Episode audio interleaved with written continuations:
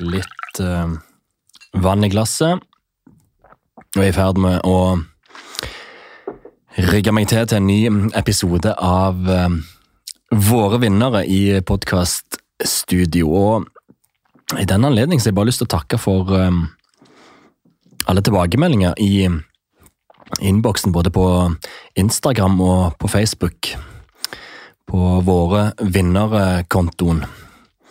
Det setter jeg veldig stor pris på, så bare fortsett å kjøre på med det. Og gå gjerne òg inn i podkast-appen og kom med en rating og gjerne en kommentar.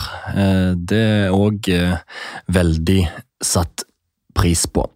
Og jeg tror dagens episode kan bli, eh, bli spennende. Det er 20 år siden dagens gjest kom til Norge. For i, i 2001 så flykta Grace Bullen og familien hennes fra et brutalt krigsherja Eritrea til Fredrikstad.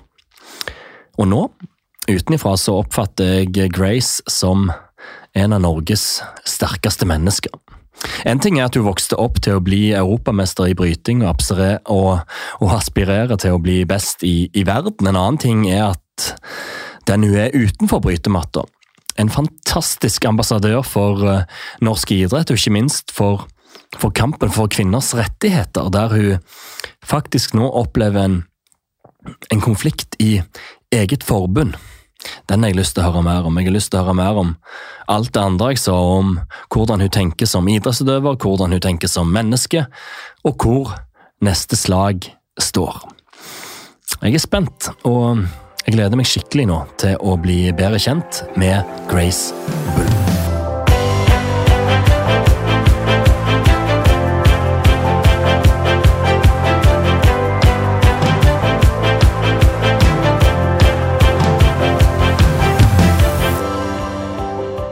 Navn, Grace Bullen. idrett, Bryting. moderklubb, Fredrikstad Bryteklubb Atlas. første konkurranseminne. Eh, klubbstevne Fredrik, i Fredrikstad. Oi, hvor gammel var du da? Jeg tipper jeg var sånn fem-seks år. Husker du om du vant? Um, nei, jeg gjør ikke det. Største opplevelse på idrettsbanen? Eh, Ungdoms-OL i Kina Oi, i 2014. ja, det har jeg lyst til å høre mer om. Hjertelig velkommen til våre vinnere, Grace Bullen. Tusen takk.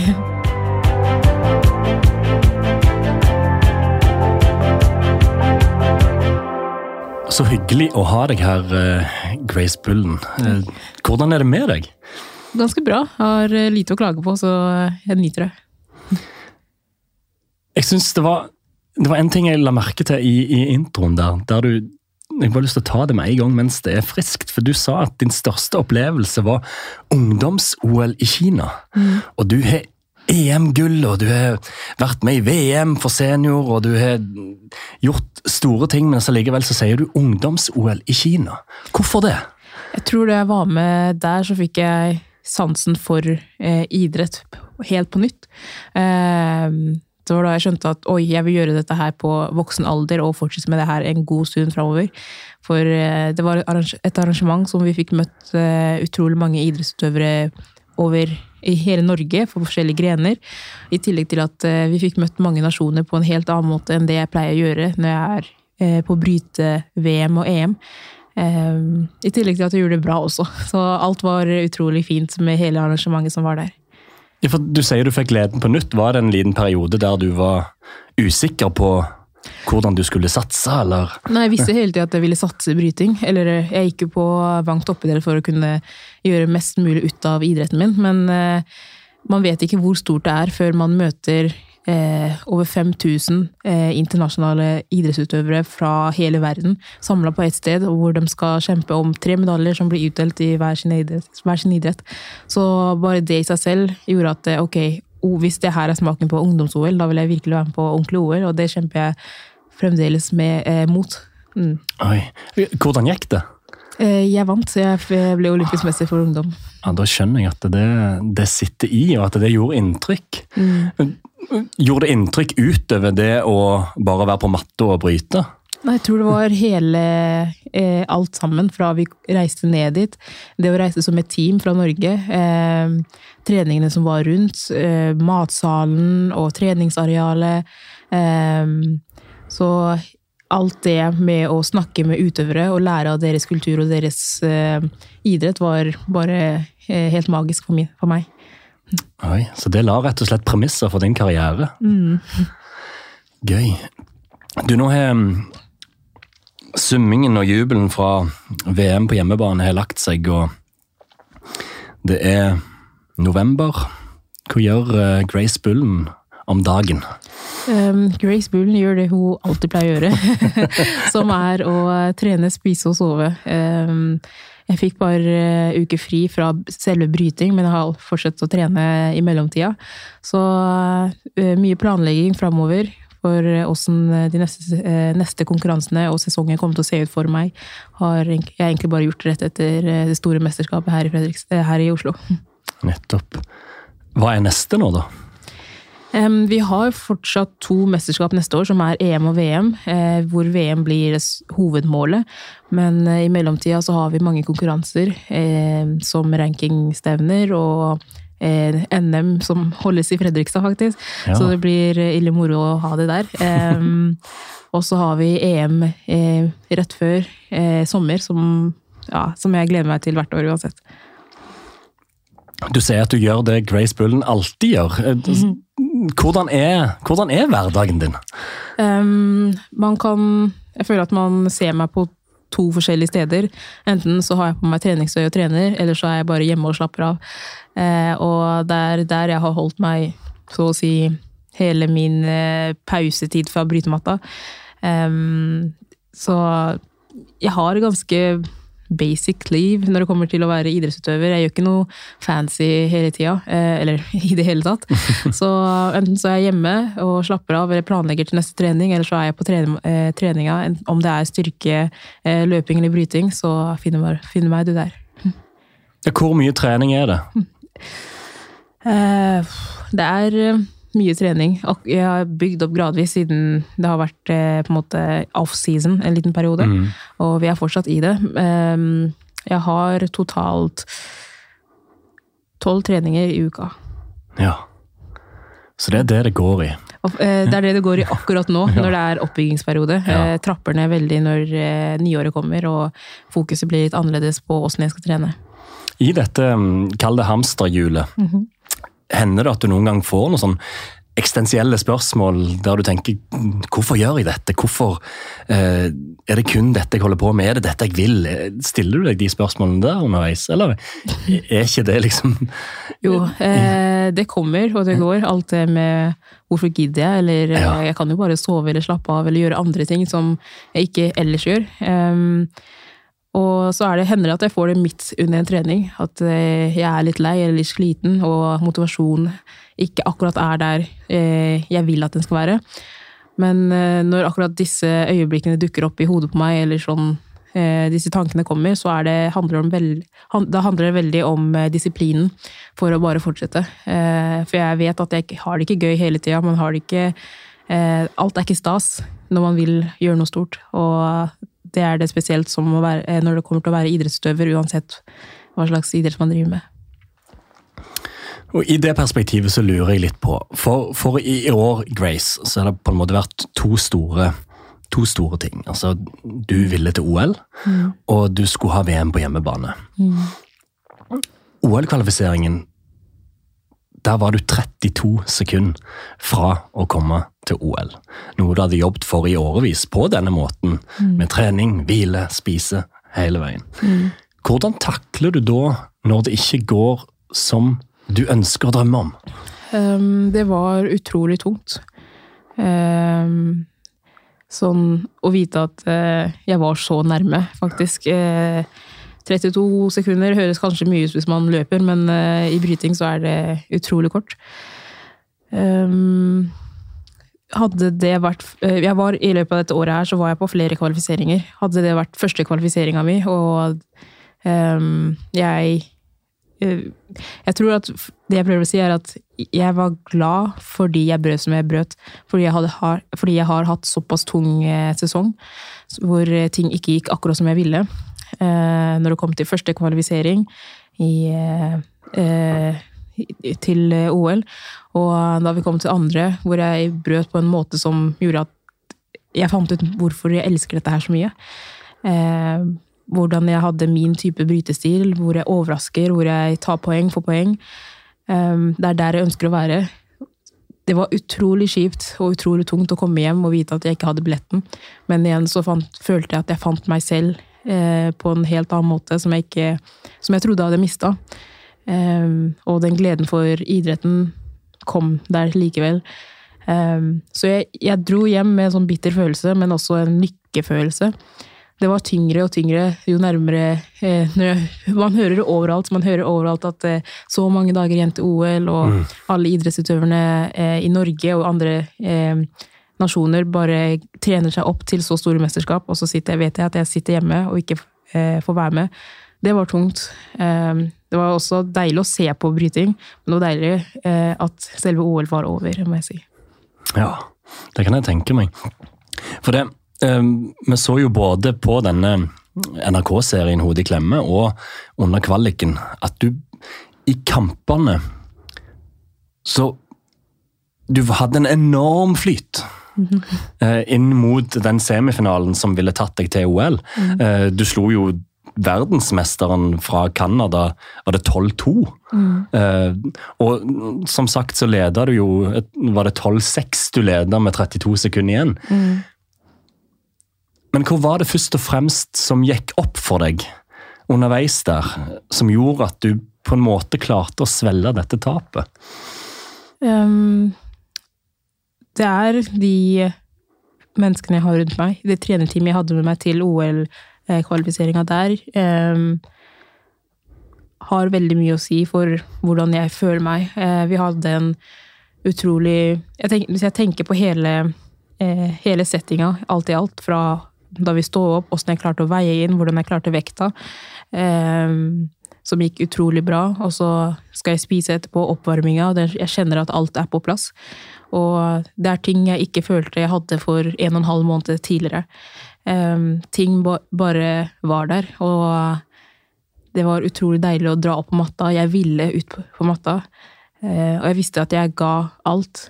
Um, selv om jeg på siste uh, siste 30 sekundene der hvor jeg bare mista litt fokus og havna på ryggen.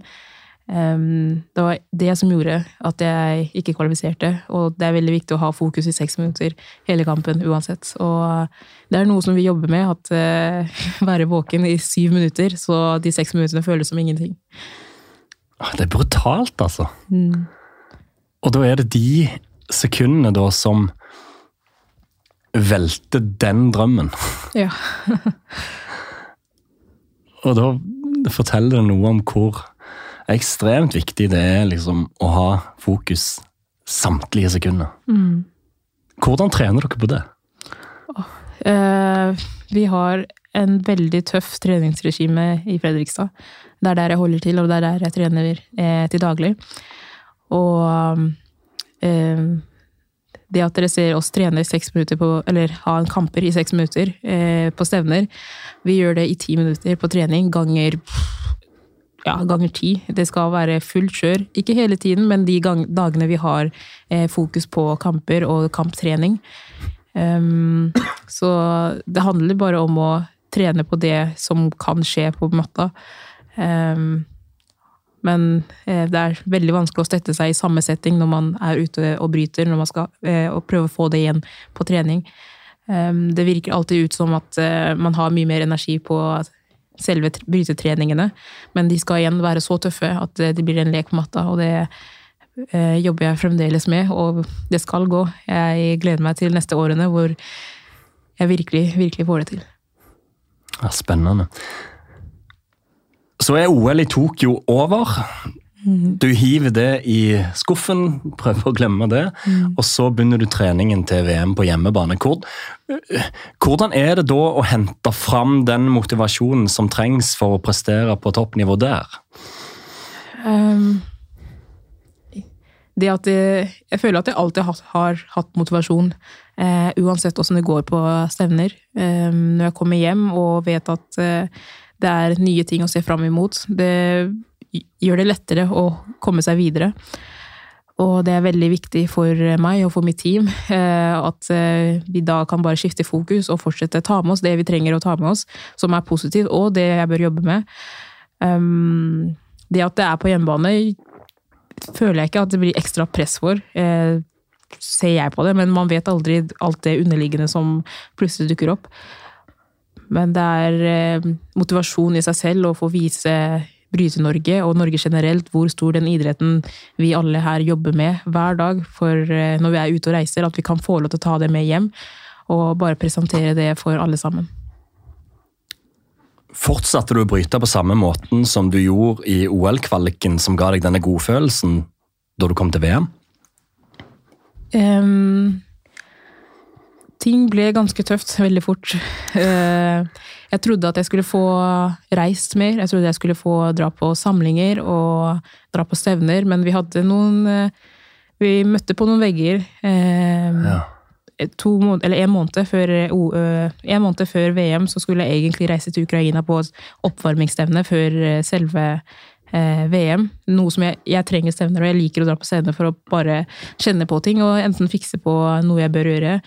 Um, men vi ble sperra ute, og jeg måtte bli i Norge. Um, så det gjorde at vi måtte endre på planene veldig fort. For vi fikk vite det ca. Sånn to dager før jeg skulle reise, at uh, du får ikke reise. Allerede begynte å gå ned i vekt uh, til Sevna og sånn.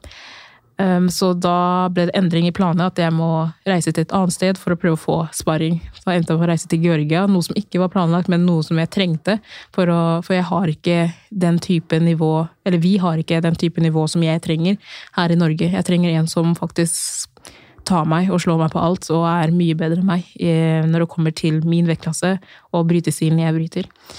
Så um, alt gikk ikke på skinner der heller, så det gjorde at uh, selve oppbygging til VM den ble tøffere enn planlagt. Er dette pga. covid? Mye. Egentlig så er det alt det pga. covid, ja. ja, mye. Hva annet? Eh, det er eh, Vi forstår at eh, koronaen har gjort at vi har blitt veldig begrensa på mye. Mm. Det er også derfor jeg ikke fikk lov til å reise innom eh, Ukraina på det stevnet. Fordi at eh, eh steder vi skulle mellomlande, var ikke åpne for oss.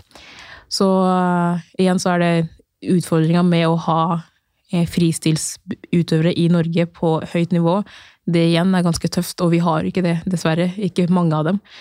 Så uh, det er det med å ha riktignok eh, kunnskap til å bygge opp en eh, Bryte-Norge som gjør at vi trenger ikke å reise ut for å være best, men vi kan trene best her hjemme i Norge. Så det er mye som jeg håper blir bedre med årene. slik at hvis vi oppstår på sånne problemer hvor vi ikke får reist, at vi har eh, mer enn bra nok nivå i Norge, slik at man ikke trenger å reise heller.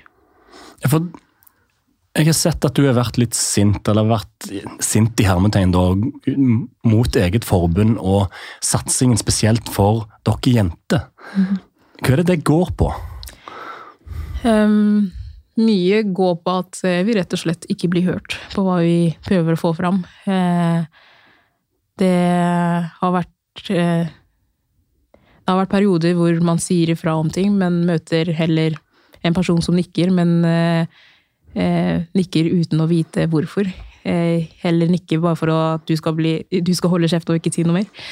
Rett og slett. Um, det har vært en stund hvor jeg har vært uenig med den landslagstreneren som har blitt ansatt, f.eks. Jeg føler at eh, hun ikke har hatt den kunnskapen jeg trenger for å oppnå mine drømmer som idrettsutøver. Eh, og jeg føler at eh, ting kan bli bedre gjort der. Men eh, derfor har jeg holdt meg så veldig mye til landslag eh, meg, Derfor har jeg holdt meg så mye vekk fra landslag. Fordi at eh, nivået er ikke optimalt. Jeg har vi holder på med bedre nivå på klubb, eh, klubben vår enn det landslaget har å tilby. Um, for du vet at eh, herrelandslaget, hvis du har sett på Hodet klemme, så vet mm. du at herrelandslaget har eh, uh, veldig bra treninger. De holder sammen. De har treninger her i Oslo med en trener, landslagstrener som trener dem så å si hver dag, eller etter planlegging. det ble vi også lovt fra 2015. Og at det skulle komme etter Rio-OL i 2016.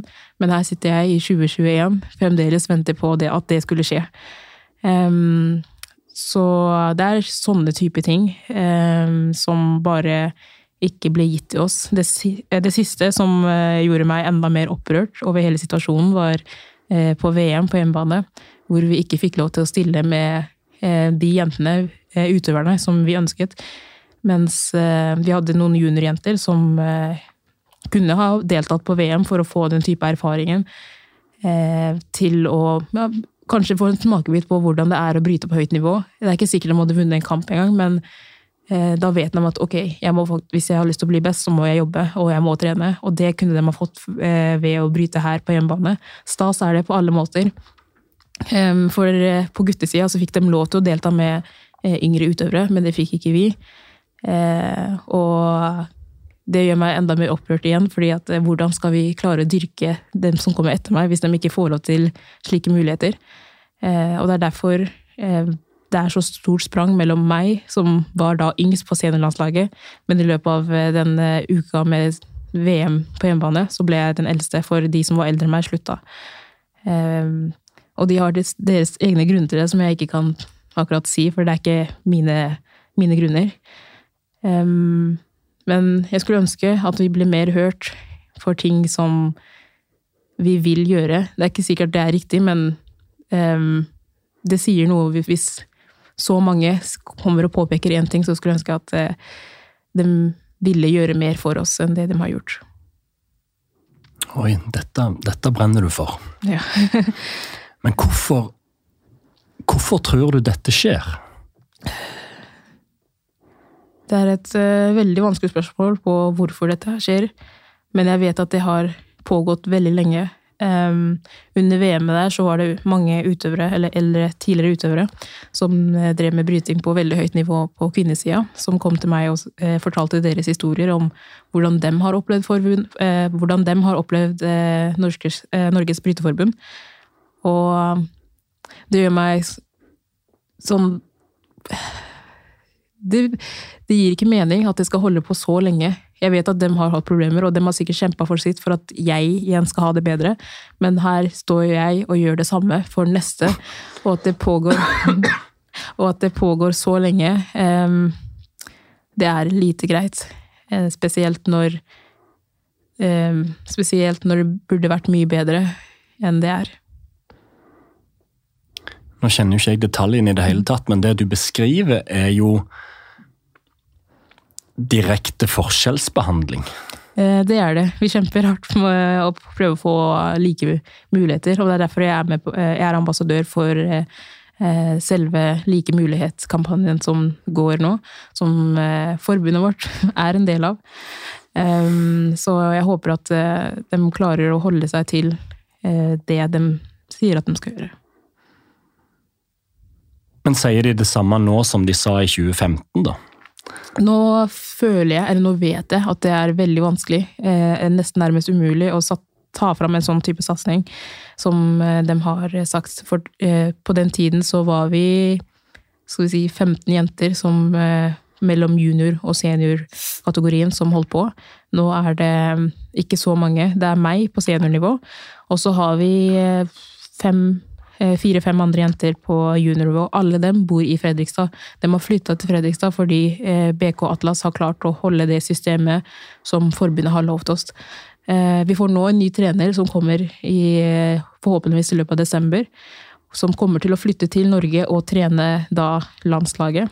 Men, trene da seniorlandslaget, men igjen så er seniorlandslaget kun meg.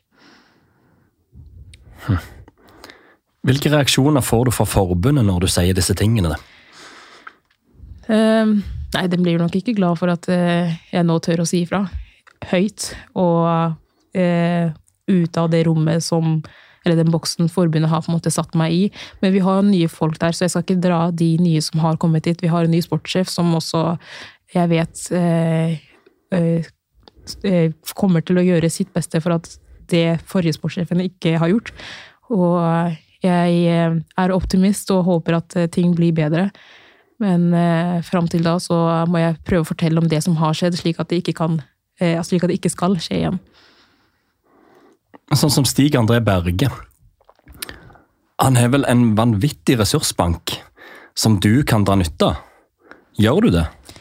Um, det det blir litt annerledes akkurat der. Eh, for også har jeg følt at Stig satser på sin egen karriere, så jeg kan, eh, bør liksom ikke dra inn han i problemene vi har. Jeg Men eh, jeg håper nå som han en, får en så stor stilling innad forbundet og innad Bryte-Norge, at han kan også ta opp det som vi Eh, eh, sliter med å få igjennom eh, til forbundet, de som er store og lederne der inne.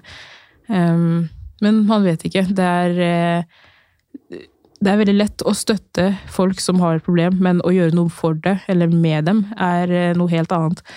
Ehm, så det er, det er ganske lett å stå på utsida og si hva man skal gjøre, men når man først setter, tråkker inn i den Eh, firkanten som problemene er, så er det ikke mange som ønsker å hjelpe til å løfte fram.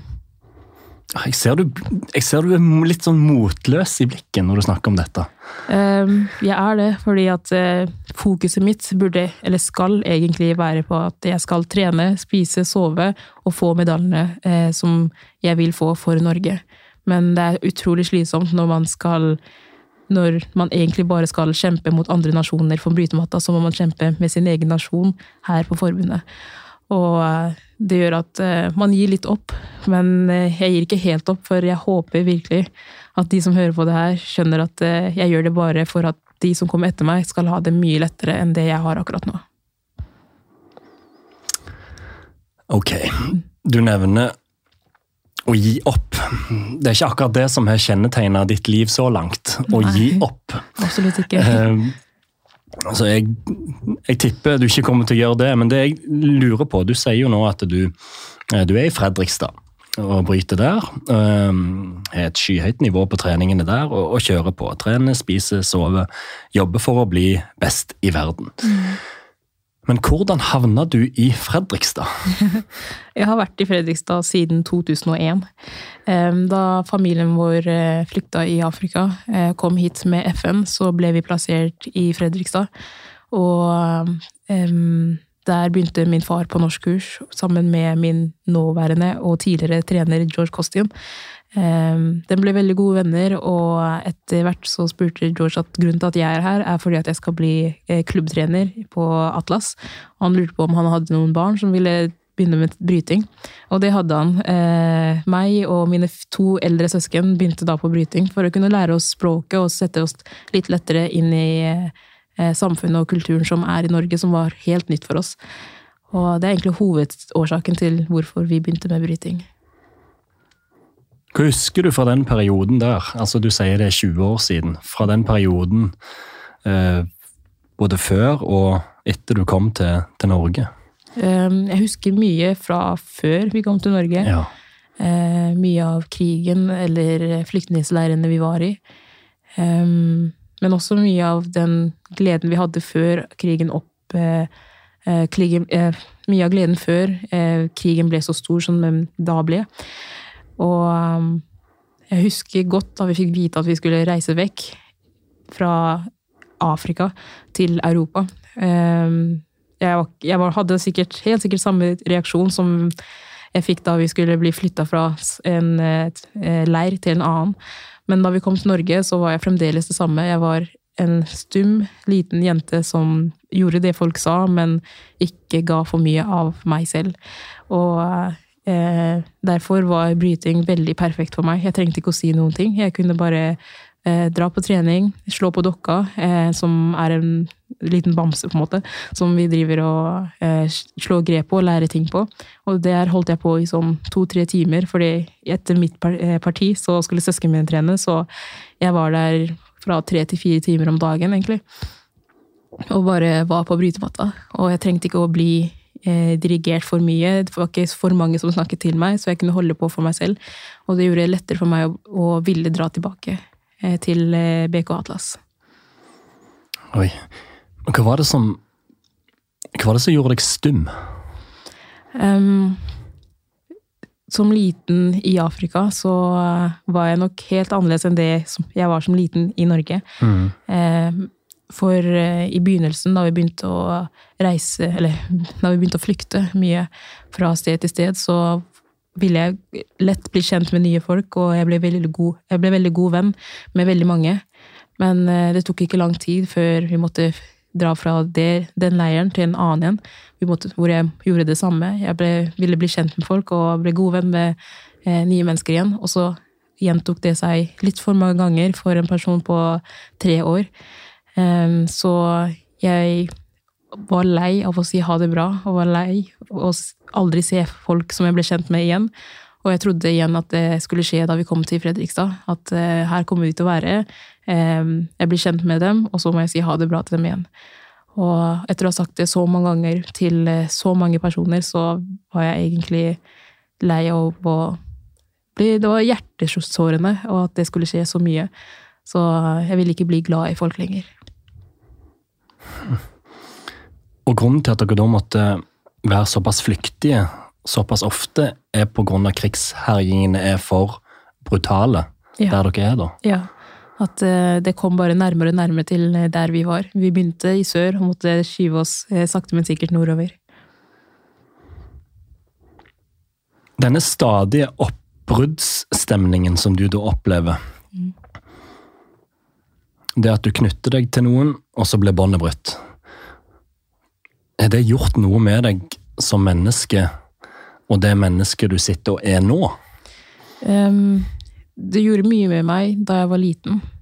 Men akkurat nå, jeg, da jeg fikk vite, eller da jeg skjønte at uh, her i Fredrikstad kommer jeg til å bli en utrolig lang tid framover, så uh, vet jeg at folk fikk se en annen side av meg. Den uh, siden hvor som jeg hadde før, hvor jeg kom, hilste eh, på folk og presenterte meg selv.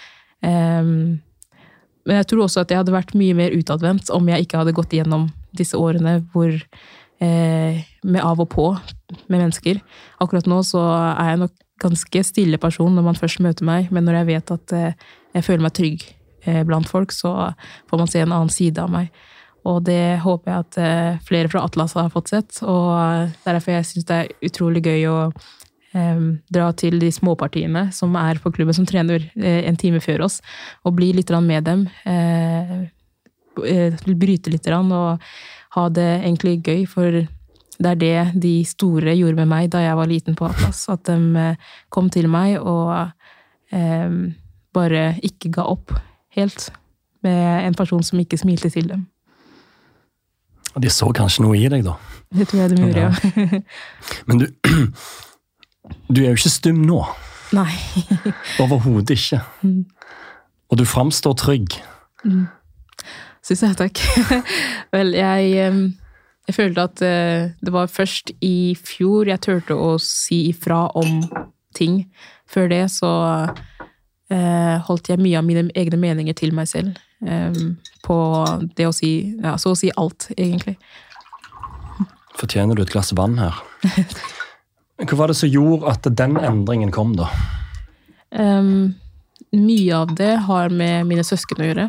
Uh, mine søsken er mine beste venner, og jeg har eh, opplevd utrolig mye med dem. Um, alt fra urettferdigheter på skolen, uh, eller i livet generelt, som em, De vet at jeg har meninger, og i fjor så tror jeg at eh, jeg skjønte selv hvor stor plattform jeg har når det kommer til brytinga, og de tingene jeg har vært med på. Um, så det at jeg tør å sitte her nå og snakke om de urettferdighetene som foregår i mitt forbund, um, er mye fordi at eh, jeg har oppmuntrende søsken som um, forteller meg at jeg kan gjøre en forskjell.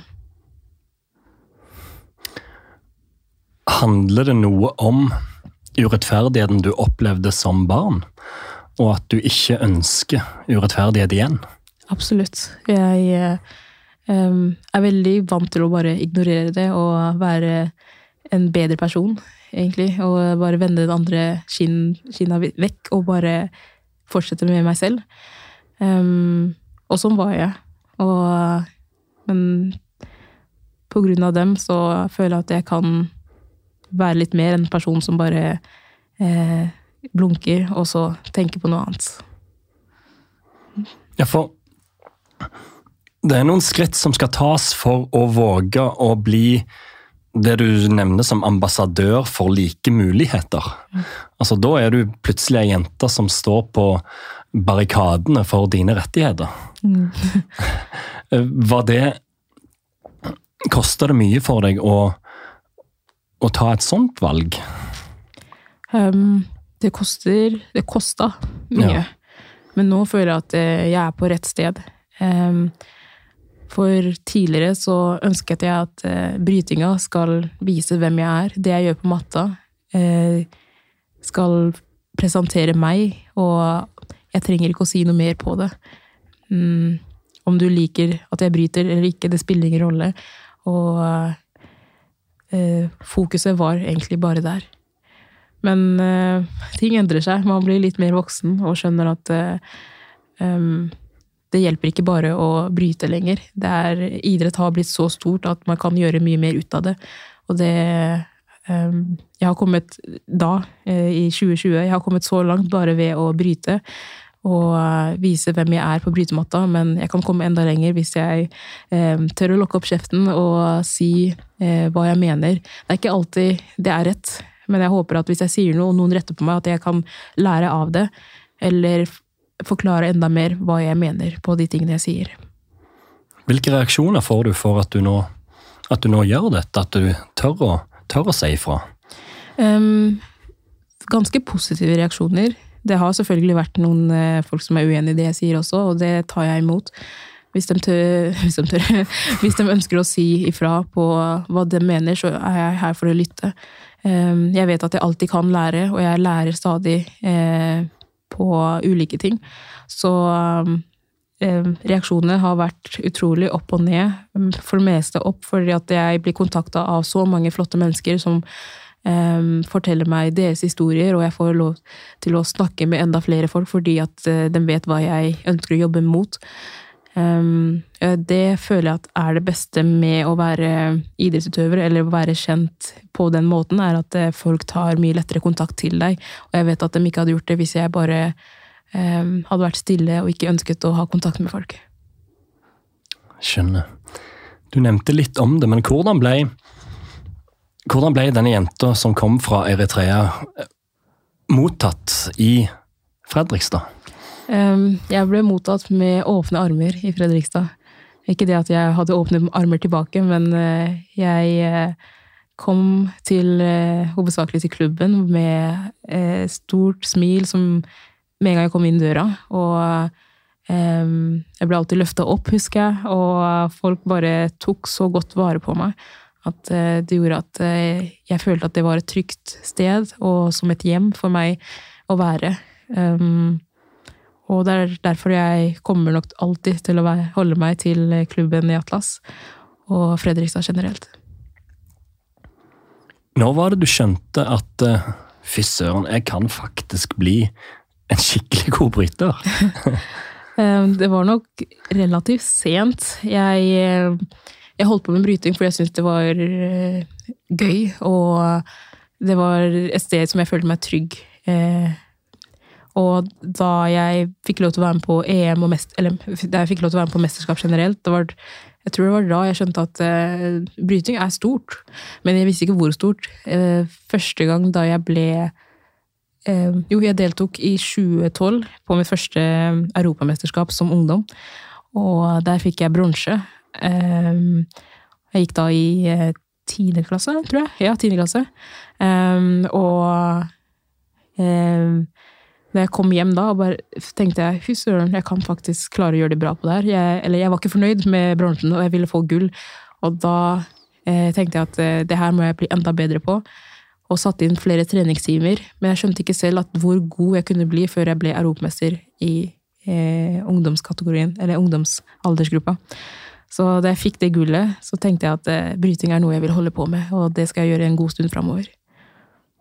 Og så bar det inn i ungdoms-OL i Kina, som du nevnte i starten her, og, og ga deg den enorme opplevelsen både på og utenfor brytematter som bare satt to streker under svaret. Mm. Her skal du bli, tenkte jeg. Og her har du blitt. Mm. Og hvordan tenker du nå, da? Skal du fortsatt bli? Skal du fortsatt kjøre på med alle disse utfordringene som du nå har nevnt? Ehm, Med det du opplever som en forskjellsbehandling, med en ja, i hermetegn mislykka OL-kvalifisering og et VM på hjemmebane som ikke gikk sånn som du skulle. Er du allikevel klar til å gønne på videre de neste årene? Ja, absolutt. Ja. Ja, jeg gleder meg. Jeg syns det er så gøy å drive med bryting. Og alle de menneskene jeg får møte, eh, de nye barna som kommer inn til klubben fordi de har sett meg på TV og sier til foreldrene deres at jeg vil bli som henne. Det gleder meg så utrolig mye. Um, og jeg elsker bryting. Jeg elsker alt det bryting har gitt meg på matta og utenfor. At jeg kan sitte her og snakke og fortelle om min historie. At jeg senere kan dra og trene med nye folk. Eh, og møte nye mennesker stadig. Jeg tror at, eller jeg vet at eh, de neste trådene kommer til å bli utrolig tøft, men den belønninga jeg får etterpå, den kommer bare til å være så sinnssykt deilig. Hvilket perspektiv er det du ser nå? Um, mener du så medaljer, eller hva? Ja, sånn? tenker du Tenker du neste konkurranse? Tenker du OL i 2024?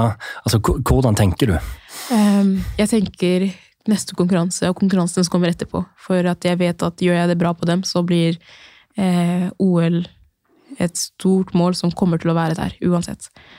Jeg eh, trener nå fordi at eh, jeg vet at eh, det som er hovedmålet mitt, den finner seg plass, men det baserer seg på hvor bra jeg gjør det på de eh, tingene som er imellom. Um, klarer jeg alle disse delmålene som jeg har satt for meg, og de eh, alle høye hekkene som jeg må hoppe over, så blir det ingenting å hoppe over når det kommer til VM og OL.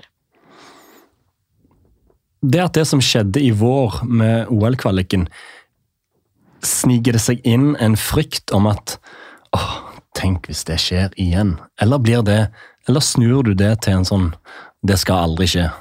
Um, jeg tenker at eh, det skal ikke skje igjen, men jeg kommer til å lære mye av det.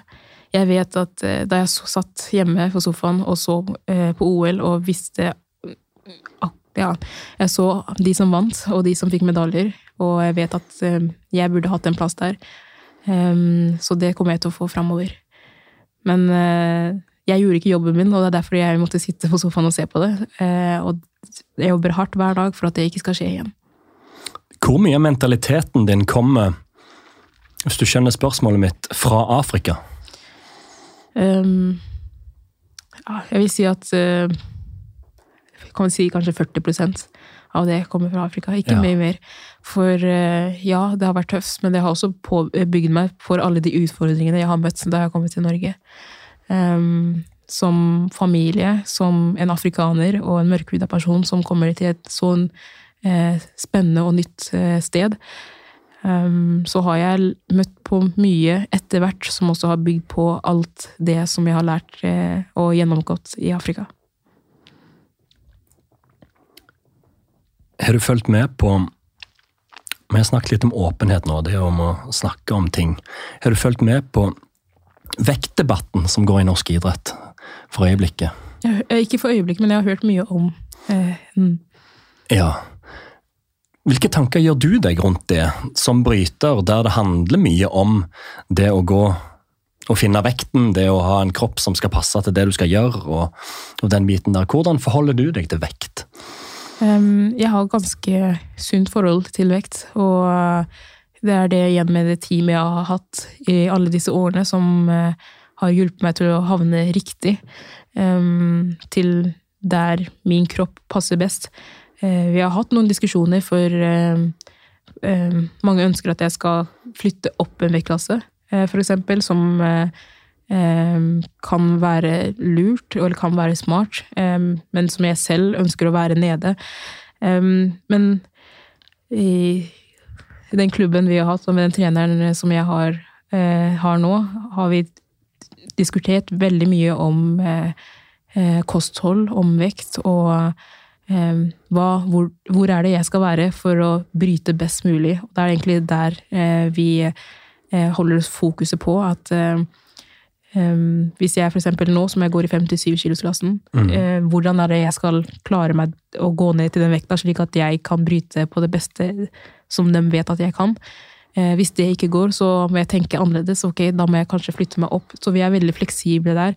Og jeg er veldig heldig som uh, har, har sånne personer rundt meg, men jeg vet også igjen at det er helt sikkert andre som ikke har det.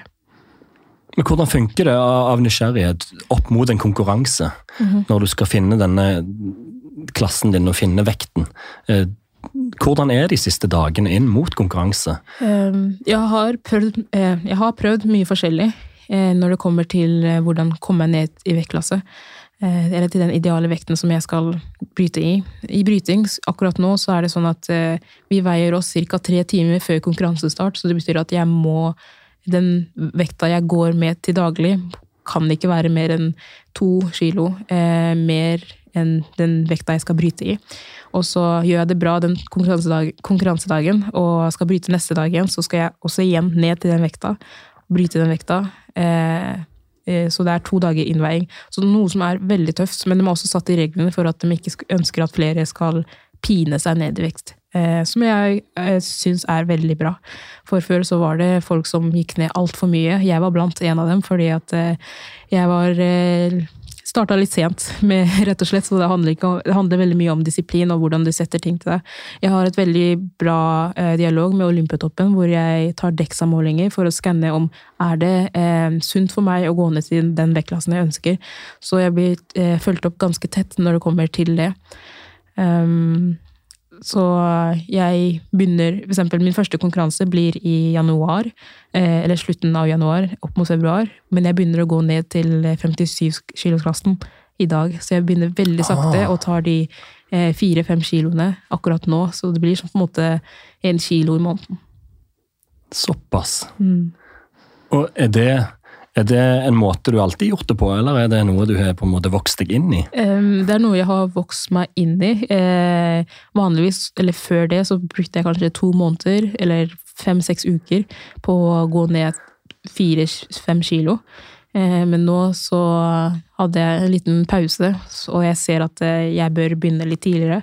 Og skal legge meg sånn cirka to kilo over den brytevekta jeg skal bryte i. For at, jeg ikke skal bli, for at jeg ikke skal tappe for mye energi når jeg skal eh, utføre min idrett på det beste. Jeg skjønner.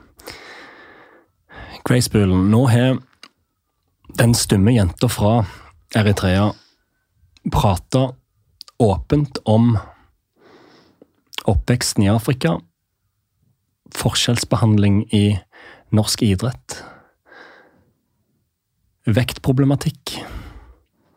Og du sitter her, og du virker veldig komfortabel.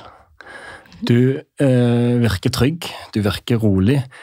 Hvordan er det inni deg? Hvordan er det, syns du det sjøl er nå å sitte og prate om disse tingene på denne måten? Um, jeg er ganske trygg i det. Jeg føler at uh, um, jeg formidler noe som kan kanskje hjelpe noen. Og det gjør det mye lettere å bare sitte her og fortelle min eh, historie og mine vinklinger på ulike ting. Når jeg kanskje kan treffe én, to, om forhåpentligvis flere personer. Um, så derfor syns jeg, sitter jeg kanskje på den måten her og nyter det. Så bra. Hva skal til for at når du legger brytedrakta på hylla, sier Grace, denne karrieren er jeg fornøyd med. Oi. um, jeg tror at uh, jeg blir fornøyd når uh, flere personer kjenner meg igjen fra andre ting enn det jeg gjorde på matta. At uh, de kan huske meg for noe jeg har sagt, noe jeg har gjort, eh, på en positiv måte. Også fordi at eh, de etter å ha sett meg bryte, så tenker de at uh, bryting er ikke som jeg trodde det var. Um, før visste før så sa jeg alltid at jeg ønsker å bli huska for personen med spektakulære grep. Den personen som uh, uh, gjorde bryting eller Bryte-Norge til noe mer enn det var. Eh, som før ble huska på som to personer som skalla i hverandre. Eh, men jeg vil huske på, ville bli huska for alle de grepene jeg gjorde. Men nå så vil jeg det også, men også få bli huska for en person som sa noe smart utafor matta. Jeg vil i alle fall huske denne podkasten. Alltid. Som ei jente som kom inn og sa noe smart. og gjorde et uh, kjempegodt inntrykk. Tusen hjertelig takk for at du kom til våre vinnere, Grace Bullen. Takk.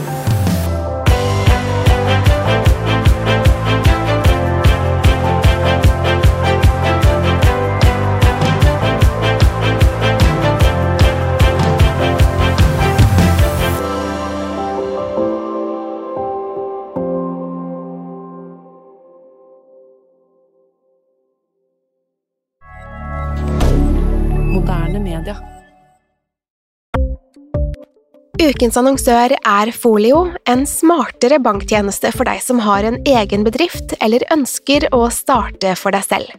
Folio er en superenkel nettbank for bedrifter. Som kunde i Folio får du en bedriftskonto med et bedriftskort og app. I denne appen er det smarte løsninger som forenkler regnskapet ditt, uansett om du har en liten bedrift eller et enkeltpersonsforetak. Folio er både intuitivt og brukervennlig, og er laget med et enkelt språk. I tillegg tilbyr de forutsigbare priser og ingen skjulte gebyrer. Skulle du likevel trenge det, så kan du snakke med deres raske og hyggelige kundeservice, og der får du prate med en faktisk person og ikke en chatbot. Folio er med andre ord både enklere og koseligere enn banken. Over 10 000 bedrifter har allerede valgt Folio som sin banktjeneste, så besøk folio.no og se hvordan Folio kan forenkle din hverdag også. Har du et enkeltpersonforetak eller en liten bedrift? Da er du sikkert lei av å høre meg snakke om hvor enkelt det er med kvitteringer og bilag i fiken, så vi eh, gir oss her, vi. Fordi vi liker enkelt. Fiken superenkelt regnskap.